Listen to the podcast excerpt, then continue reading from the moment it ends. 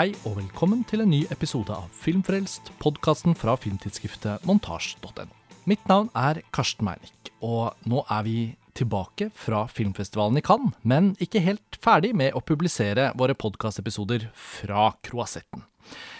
Vi produserte såpass mange episoder underveis at vi følte vi måtte spe dem litt utover. Det var også hektisk i innspurten av festivalen, så nå på sensommeren har vi gleden av å presentere de resterende episodene. I denne først skal vi snakke om Paul Verhoffens Benedetta, og da må vi spole litt tilbake i tid. Denne episoden er tatt opp 12. juli, og jeg setter bare over til meg selv, som introduserer panelet for samtalen. God fornøyelse. I panelet så har jeg med meg Chloé Faulkner. Hei, Chloé. Hei, Karsten. Sveinung Vålingen. Hei, hei. Og Lars Ole Kristiansen. Hallo.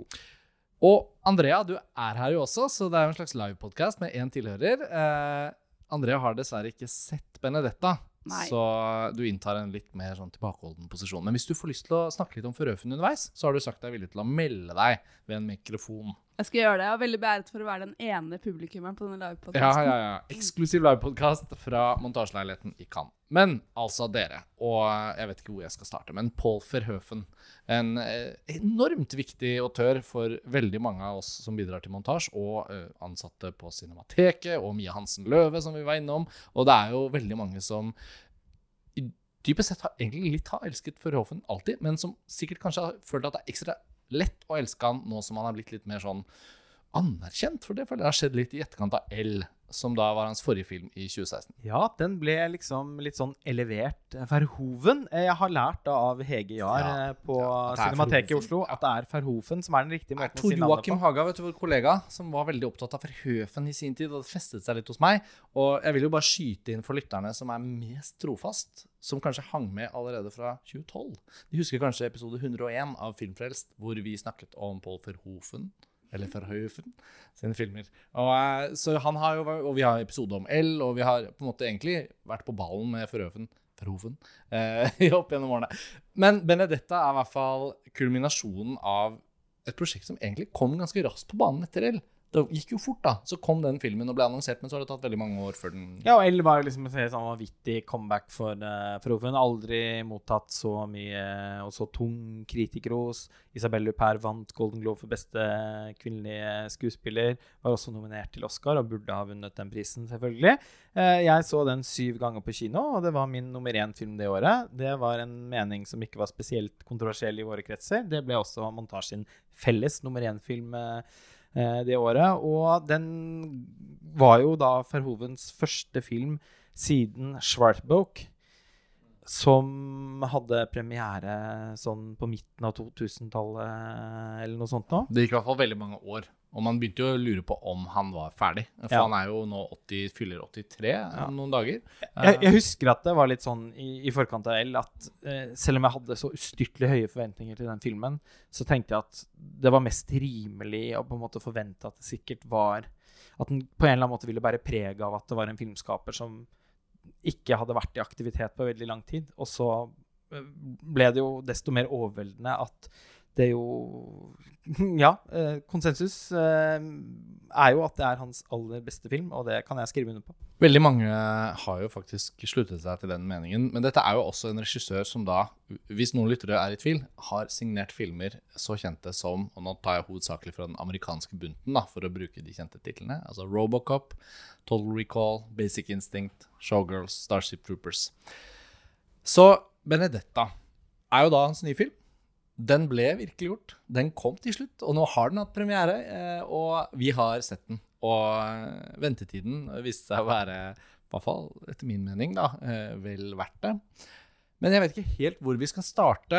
Um, Chloé, Cannes-festivalens forhold til autører og, og deres ulike egenskaper som autører er jo ikke alltid uh, dus med liksom Hollywoods konsepter om hvem som liksom er verdt å få oppdrag på store lønninger og sånt. Men Paul Verhoeven har liksom klart å balansere det, men han har ikke vært noen klassisk Cannes-regissør fra gammelt av. Liksom, jeg føler jeg sier hver episode du er med, at du er jo fransk, og du kan liksom gi oss et sånn ekstra perspektiv. Men, men, men siden jeg kjenner så godt til Sveinung og Lars Oles uh, Paul Verhoeven uh, int- eh, Ja, hva skal man si? Deres eh, sans for Verhoeven, så må jeg nesten starte med deg.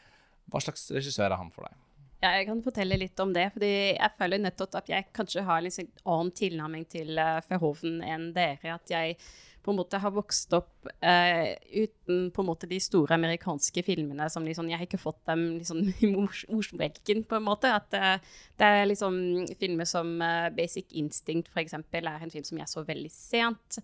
Um, man, jeg, altså, jeg visste om Robocop eh, som en sånn slags sånn Ja, det var en film som gutta på skolen så, altså, som jeg så senere bare Ja, OK, det er en sånn ironisk uh, krigspropagandafilm. Altså, det var på en måte der jeg var, men jeg var liksom ikke så veldig interessert i han som autør. Jeg tenkte mer som en sånn Hollywood-sjangerregissør.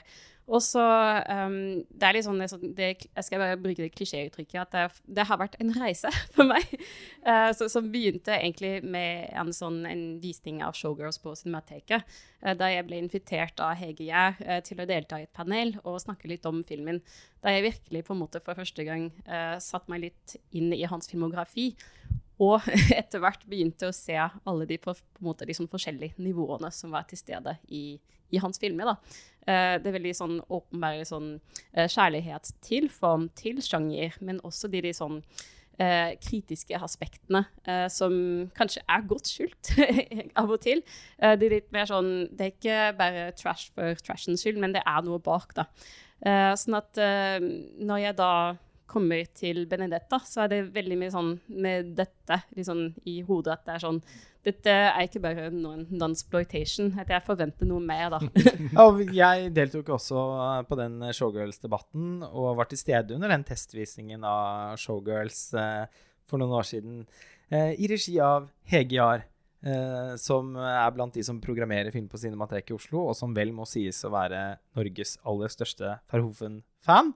Eh, og det var eh, et helt fantastisk retrospektiv. Altså, de hadde klart å skaffe alle filmene på 35 mm, og det var eh, introduksjoner og debatter, og det var bare helt utrolig liksom, grundig gjennomarbeidet retrospektiv som fortjener å bli løftet fram som Mm. noe av det aller kuleste Cinemateka har gjort eh, i løpet av de siste årene, etter min smak. Han lagde jo veldig mye film faktisk hjemme i Nederland før Hollywood tok han over. Og eh, siden du driver et cinematek så Heinung eh, i Tromsø, Verdensteatret, så er det jo naturlig å tenke på liksom den derre Ja, den filmhistoriske Hva skal vi si Ekkoet som, som Da er det ganske mange tiår han har holdt på, da.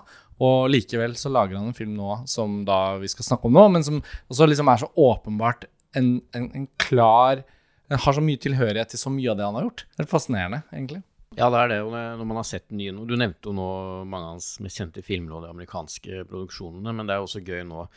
eh, ja, han er i den alderen han er, han har laget nå Benedetta, og så går man tilbake til en film som f.eks. Flesh and Blood, da, og ser hvor mye de to filmene faktisk har til felles i uttrykket. Det er også en film satt i middelalderen, på et vis, med uh, utrolig mye voldsom vold og sex.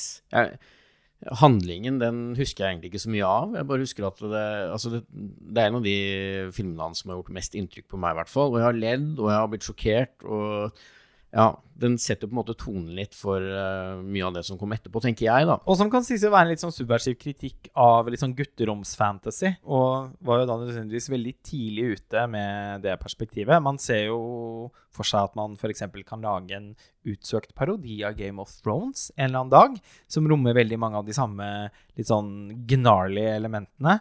Uh, men der var altså Paul Verhoeven forbausende tidlig ute, og det var vel da også hans første amerikanske produksjon. Ja, Så det var faktisk en amerikansk produksjon. Jeg vil tro det, men jeg er ikke 100 Nei, kan godt hende at den er, har, eh, er, liksom, er finansiert i Europa, men eh, den var i alle fall engelsk altså, Den er jo engelskspråklig. Men eh, jeg har jo ikke sett filmen, og det er jo sikkert eh, mange av lytterne som heller ikke har. Kan du ikke fortelle litt om selve filmen? Altså, Jeg elsker å ha livepodkast for én person, for da får man liksom sånn god, sånn stram oppfølging. Og det, du har helt rett, nå er det på tide å si litt om Benedetta og hva den handler om. Og vi kan jo dele litt på det. Jeg kan starte. Eh, Benedetta er hovedpersonen. Det er en nonne spilt av den franske stjernen Virginie Efira. Og Benedetta møter vi tidlig i filmen uh, som barn. Hun uh, opplever et uh, hva skal vi si, slags øyeblikk hvor hun får kon liksom kontakt med Gud, på sett og vis. hvor hun blir overbevist om at hun har en, en ja, en egen dialog med det, det guddommelige. Og hun plasseres i et sånt kloster, drevet av Charlotte Rampling, som sånn sjefsnonne. Hun er jo helt guddommelig god og herlig eh, som skuespiller, men hun passer så utrolig godt til den rollen hun spiller i denne filmen. Er det abbedisse det heter? Ja, kanskje. Benedetta vokser da opp i klosteret, og, og så kort inn i filmen så møter vi henne som voksen. da. Og så inntreffer det at en fattig, litt sånn desperat ung kvinne eh, kommer på klosterdøren og hamrer, og er liksom desperat, og hun blir forfulgt av sin far, er det vel, og det er noe dramatikk som oppstår, og i all sin barmhjertighet så er det som om Benedetta bare ser at denne, denne jenta, hun må reddes. Og da forbarmer hun seg over det som blir en av filmens andre hovedpersoner, da, Bartolomea. Og denne Bartolomea og Benedetta innleder etter hvert et lidenskapelig forhold. Og på den måten så blir det da en lesbisk nonnefilm. Og vi må finne ordene for å beskrive Benedetta, for det er en film som både er litt eh, Den har litt sånn wink-wink-humor til det den skildrer, men den har også et ganske sånn Og det håper jeg vi kommer litt ordentlig inn på i løpet av samtalen, at den har en sånn ganske sånn dyptpløyende, kjempekritisk eh, holdning til religion og maktmennesker og patriarkatet, og det er egentlig veldig mange ting uh, som den tematiserer, men den, som en ren underholdningsfilm så har den en sånn tone som også er komedie, uh, og som også er litt satirisk. og når man sier at det er en sånn lesbisk nonnefilm fra, satt i et kloster på 1700-tallet, eller når det er 1600-tallet, så høres det ut som den også er litt som en sånn VHS-film som gikk rett på video i sin tid. Ja, men samtidig ikke nødvendigvis. fordi hvis man går tilbake i filmhistorien, så er det veldig mange gode nonnefilmer som har kommet i forskjellige format. Man kan trekke fram Black Narcissus eller Beyond the Hills av Christian Mungu. Også på en måte Miss 45 av Abel Ferrara, som jo i sin natur handler om en nonne. Og Definitivt. etter hvert så kommer det mer til uttrykk når hun tar på seg denne nonnedrakten. Uh, men uh, jeg syns det er en veldig Hvis man kan kalle det en sjanger, nonnefilm, så syns jeg faktisk at det er en, en, et ganske godt utgangspunkt for å utforske mange spennende uh, tematiske innfallsvinkler når det kommer til både religion, undertrykt seksualitet, forskjellig. Uh, så for å ta en litt sånn seriøs innstilling til Benedetta, som jo er en veldig fleipete film Jo, men det Så- syns jeg man skal ta Ja, fordi det er det som også gjør filmen til noe mer, da. At den faktisk klarer å bruke de uh, nonnerammene til å uh, på en måte trekke inn noen tematiske tråder når det kommer til ja, særlig det som har med religion og seksualitet å gjøre. da. Du glemte å nevne Sister Act med Whoopi Goldberg. Ah, selvfølgelig, Ja. Bare for å skyte inn. Jeg vet ikke hvor mange av de filmene du nevner det er som er så fleipete og vulgære altså, og komediske, rett og slett. Altså, det, sånn, det blir en sånn slags sånn uh, nonnekomedie, sexkomedie, kan man si. Uh, og tonen etableres, etableres ganske tidlig i filmen. uh, ved, altså, det, er liksom, det er noen skumle altså, røvere som prøver å angripe Benedetta og hennes familie. Og dette kan være sånn, potensielt veldig sånn skummel situasjon, og så løses det på en veldig sånn eh, på en måte lettbeint måte gjennom at uh, fuglebæsj mannes frem eh, gjennom jomfru Maria. Og så er det sånn rett på i, i neste scene der vi ser en sånn slags sånn teater, middelalders teaterforestilling med liksom eh, skjeletter, altså menn kledd ut som skjeletter som løper rundt og tenner på hverandres eh, Ordet glapp nå. Fiser. Fjerter. Unnskyld. Eh, så det, det er jo liksom, Vi blir veldig tydelig plassert liksom, i en veten der uh, det er bæsj, det er uh, urin, det er eh, mennesker Ja, det er alle slags liksom, veldig sånn, kroppslige ting som er liksom til stede. da. Ja, uvitenheten er stor, og det som fins av kunst, er dårlig. Ja, og eh, dette forholdet som eh, etableres og vokser i styrke da, mellom Benedetta og Bartolomea, det starter jo med at Bartolomea, etter bare noen minutter egentlig, legger an på eh, Benedetta og ønsker å liksom på en måte åpne opp henne seksuelt, selv om det selvfølgelig er innmari tabubelagt i denne nonneklostersettingen. Eh, og hun er ikke vanskelig å be opp til dans, eh, viser det seg. Det, relasjonen introduseres med at de to går på do sammen, med lyder og det hele. Og da er på en måte Da inntreffer et slags teppefall eh, som gjør at eh, Bartolomea raskt finner en inngang til å introdusere eh, Benedetta for eh, seksualitetens gleder. Og så følger jo filmen ganske raskt opp det motivet fra eh, på en måte prologen, der Benedetta åpenbart er besatt av uh, jomfru Marias uh, krefter. Med noe det, det, La oss si det sånn at det kommer til uttrykk på en litt annen måte. Uh, det er vanskelig å ikke tenke at hun kanskje egentlig er besatt av Satan. Og Bartolomea representerer jo da også veien inn i fristelse og har noe veldig sånn satanisk ved seg. Eh, øynene hennes for eksempel, er lysatt på en måte som gjør at de er nesten helt sorte hele tiden. Og at uh, Benedetta ser seg selv speilet i øynene hennes idet hun ja, ender med å utforske kroppen hennes. Så det er hele da Og hun opplever stigmata. det skjer noen mirakler, på en måte, som, setter, som snur litt opp ned på hierarkiet i klosteret.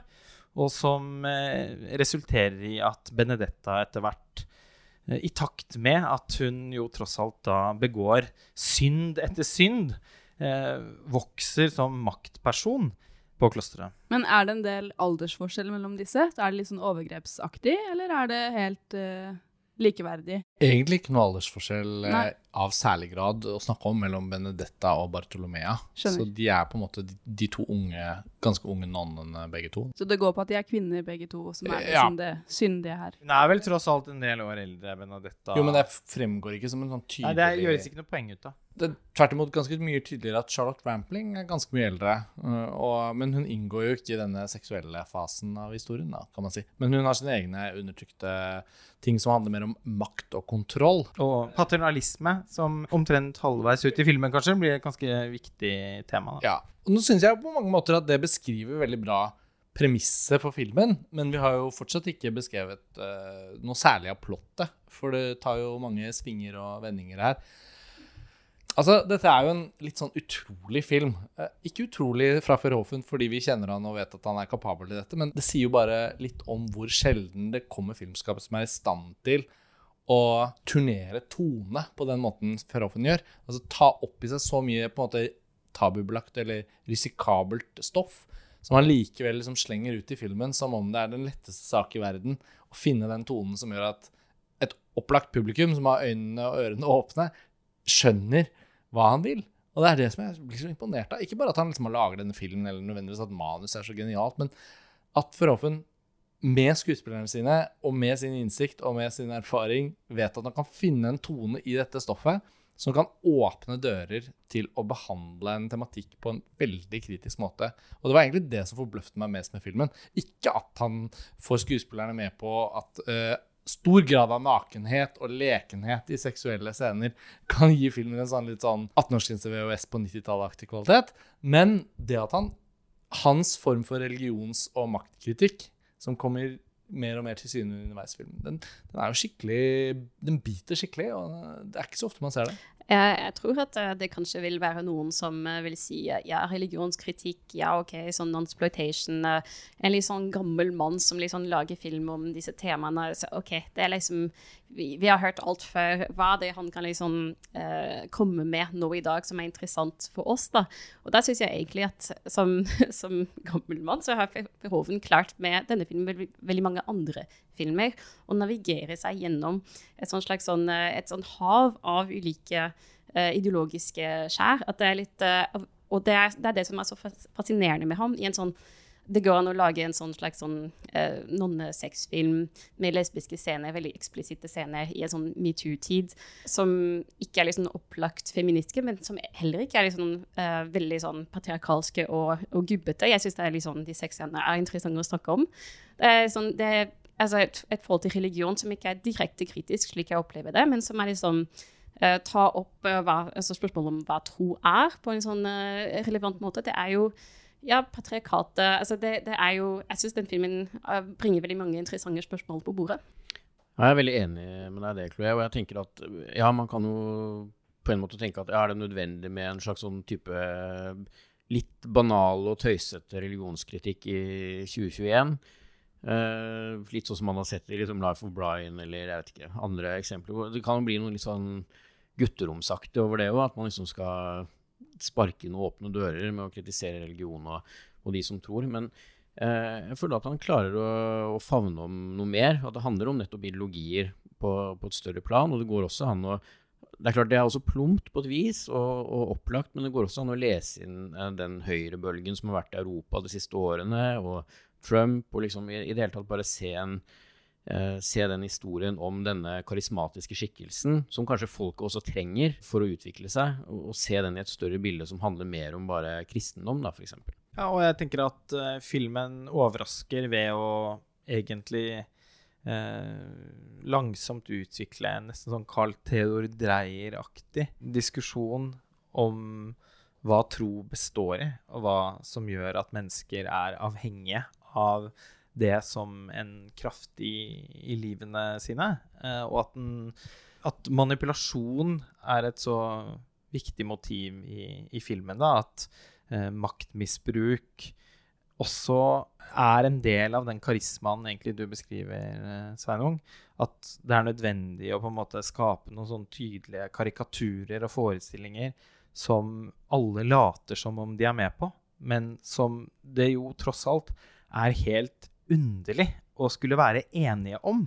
Og det tenkte jeg i alle fall var litt sånn, ga filmen en, et moderne tilsnitt som er typisk for, eh, Huffen. Og det syns jeg også kommer veldig godt til uttrykk i filmen gjennom Benedettas ulike overlevelsesstrategier. For uten å si så mye om hva som skjer i plottet, så er det ingen tvil om at hun hele tiden må liksom om, altså rekalibrere seg egentlig overfor hva situasjonene trenger.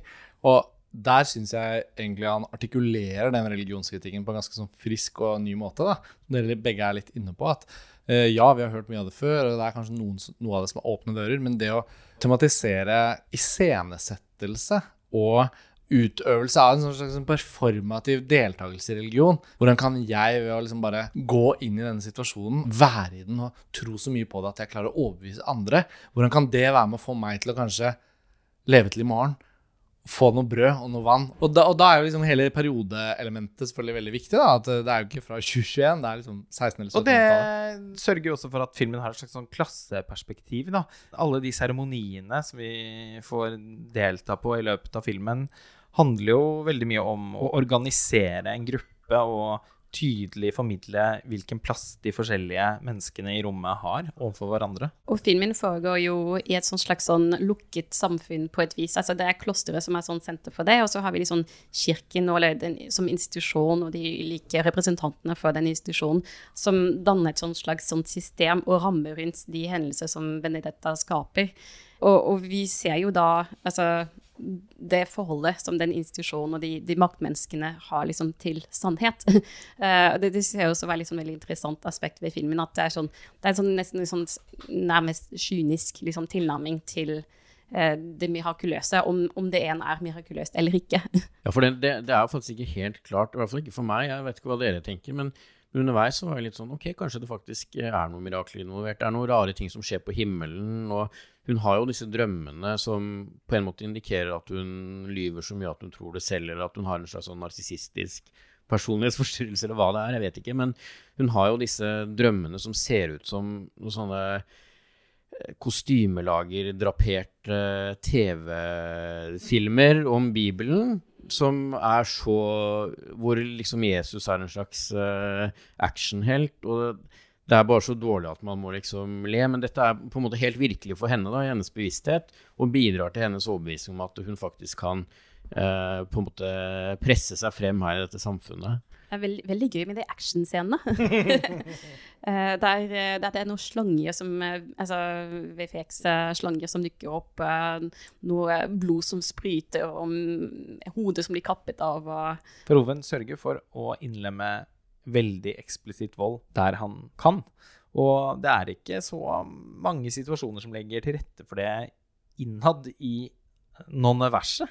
Det er noen avstraffelser og sånn, naturligvis, da, som han eh, makser. Men eh, i all hovedsak så skjer jo det i noen eh, drømme-minnesekvenser, som da er helt sånn vanvittig sjokkerende å, bare se da Jesus fremstilt som en sånn superhelt utstyrt med sverd, som bare eh, stenger løs på alle de som måtte si imot hans ord, er jo helt uh, Ja. Framstilt med en veldig sånn overtydelig, altså, nesten sånn TV-filmaktig ja, estetikk. han- da. Ja, veldig. Han sløyer jo fotet fote Game of Thrones-style, egentlig, må man jo kunne si. Ja, og det er noe med den her eh, kombinasjonen mellom liksom uh, sexploitation og litt sånn runkete gutteroms-middelalder-fantasy som skaper et litt sånn helhetlig sett hårreisende uttrykk for filmen. Den er jo i enkelte litt sånn intime øyeblikk innmari vakker. Fordi Farhoven er en veldig visuell filmskaper som vet hvordan man kan lyssette en scene på en veldig stemningsfull måte. Eh, Men den har jo også noen innslag av liksom dårlige spesialeffekter og skikkelig kitschy iscenesettelser, som også gjorde at jeg tenkte at åh, dette her er litt sånn Dette er ikke Hvis L og til dels Schwartbook var litt sånn elevert ferroven, så er han nå tilbake i eh, sin eh, Ja, ikke ungdom, egentlig. Eh, sin eh, kanskje mest sentrale på en måte fase som filmskaper. Eh, fra Flesh and Blood og fram til og med Starship Troopers. Benedetta tar jo opp i seg egentlig noen av de absolutte nøkkeltrekkene ved Verhoeven som filmskaper. Hvis man tar med alt han har gjort, da, fra starten i Nederland og via de første engelskspråklige filmene. I og for seg er det også viktig å påpeke at de filmene er vanvittig bra. da, Ja. Og viktige for å forstå Verhoeven sitt kunstneriske prosjekt. Så eh, filmer som Turkish Delight og Soldat von Oranje og sånn Ja, men altså Da må jeg avbryte, for det var faktisk en anledning jeg hadde før Cannes-festivalen til å dekke noen Verhoeven-hull, og da tok jeg den Soldier fan Orange, som er den krigshelten, tror jeg den heter på norsk, um, som er utgitt på DVD i Norge og sånn, men som er en sånn nederlandsk uh, krigsfilm, da. Og det er bare altså film etter film. Hvis man har noen Verhoeven-hull og dekker dem, så finner man jo han er, jeg, kan ikke komme på noen særlige filmer han har laget hvor man ikke får betalt da, for Verhoeven-interessen. Uh, så desto mer man ser, desto bedre blir det. Ja, og det, ja, for igjen å komme tilbake til med Flesh and Blood og for så vidt også Turkish Delight, så er det noe av det jeg husker best fra egentlig alle hans filmer, er den voldsomheten i sex- og voldsscener. Som det er som han bare oh, liksom kaster det på deg, som en sånn sjokkeffekt. Uh, og det er så voldsomt at man, man vet ikke på en måte hvor man skal gjøre av seg. Eh, og det, det er så veldig til stede her også. Jeg tenkte på også Basic Instinct. Uh, og da tenker jeg ikke på sexscener, men bare den biljakten, hvis dere husker den, som nesten er som en sexscene, med to personer som kjører etter hverandre og jager hverandre. Det er, det er liksom en voldsomhet alltid i så mange scener i hans filmer. Eh, og det er liksom for meg et av hans særtrekk. Apropos det, da, så, så er jeg veldig enig med deg i at uh, Verhoeven har en uh, måte å fremstille nakenhet på som ofte er litt sånn brå, sjokkerende og ubehagelig. Jeg tenker ofte på den scenen i Blue Velvet til David Lynch der Isabella Rossellini plutselig kommer sånn kliss naken ut, som en uh, slags parallell da, til det Verhoeven holder på med. Fordi det er altså så antierotisk at uh, man må liksom rekalibrere hele sitt forhold til nakenhet på film. Eh, Jeg vet at du også har noen tanker om det, Chloé. Jeg er enig um, når man tenker på de sexscenene i Benedetta, at um, det er jo noe så, så, så brått med dem, og liksom så direkte. Altså, så på overflaten så er det filmet på en veldig sånn konvensjonell, på en måte sånn mykpornoaktig stil. Det er sånn pene damer, og så skifter man stilling, videre. Men det, det er jo det er jo ikke pirrende. altså, det er noe, liksom, noe dypt liksom ikke sexy med det heller, som jeg, jeg, jeg føler at liksom det er uh, ja, eh, det, der ligger på en måte litt sånn, kanskje litt sånn Verhoeven-signaturen. at uh, man sitter ikke og liksom koser seg. Da vi debatterte Showgirls på Cinemateket for noen år siden, Chloé, så husker jeg en av eh, publikummerne rakk opp hånden og spurte oss i panelet. Nå må dere være ærlige, da. Er det no noen av dere som blir opphissa av denne filmen her? Og hvis ikke, hva slags filmer blir dere opphissa av? Husker jeg var litt sånn Oi, hva skal jeg svare her? Da husker jeg svarte at nei, altså, helt ærlig. Nei, Showgirls, der, eh, der kjenner jeg veldig lite av, av, av den slags følelser. I, I møte med de ja, kroppslig, seksuelt eksplisitte scenene. Og så måtte jeg innrømme at så følte jeg at jeg pliktskyldig måtte nevne en film da som har den effekten eh, på meg. Da nevnte jeg 'Love' til Gaspar Noé. Husker du hvilken film du nevnte? ja, eh, jeg husker ikke helt, men eh, jeg kan jo eventuelt nevne Jeg noen, jeg synes noe det Apropos lesbiske sex, noe det Kammerpiken, for eksempel, er en sånn utrolig erotisk film. Til Park Chan-wook, ja. Og jeg føler liksom at Verhoeven er ikke interessert i å nødvendigvis verken skildre at rollefiguren opplever det de gjør i Bendetta som et tabu, eller nødvendigvis pirre. Det jeg føler sexscenen i denne filmen aktivt er nysgjerrig på, er å vise oss rollefigurer som er sånn nesten sånn uhemmede, interessert i å bare utforske. Og det høres jo kanskje teit ut, men det er nå engang det de gjør, da. At uh, filmen viser at det både er veldig, veldig sånn lukket og strengt i det klosteret. Men når de har hverandre, så er det som om det liksom er sånn Ingen følger med på dem. Det er ikke noe film. Det er ikke noen som ser denne filmen de kan. De bare er helt så fri. Og da blir det som en lek. Og jeg syns både Bendetta og Bartolomé har liksom barnlig preg. Og det er kanskje rart å si i forbindelse med en sexscene, men det er som om de liksom er som sånne ungdommer som nesten bare leker. Og det er det jo i praksis òg. Ja, og det er at derfor- vi ikke har noen som helst tidligere erfaring. Ja, og det er så viktig element ved det. Bartolomea har vel liksom hatt noen fryktelige erfaringer med, med misbruk og overgrep før hun havner i klosteret, men Jeg, jeg syns ikke det var noe veldig troverdig framstilling av liksom lesbisk kjærlighet uh, slik det var. Det var jo liksom rett på med en gang. Det var nokså litt sånn direkte og Ja, nei, jeg mente ikke at det nødvendigvis var troverdig. Jeg vet det egentlig ingenting om, men jeg tenker som, som film Som iscenesettelse på film, da, så opplevde jeg i hvert fall at det var frigjort fra liksom, tabuer og sånn lukket, og det var ikke noe sånn miserabilistisk over hvordan det var, liksom, de forholdt seg til alt. Det var liksom bare som om de hadde sin egen lille verden. Andrea, du har jo da som kjent ikke sett uh, Benedetta, men jeg vet jo at du har et forhold til Ferhofen Ja, jeg har jo det. Eh, det må jo sies at eh, Truls, Truls Foss, som er da min kjæreste, han hadde jo en eh, slags introduksjon eh, for meg i København, hvor vi var på Cinemateket og så Veroven retrospektiv. Og jeg da lærte dette ordet subversiv.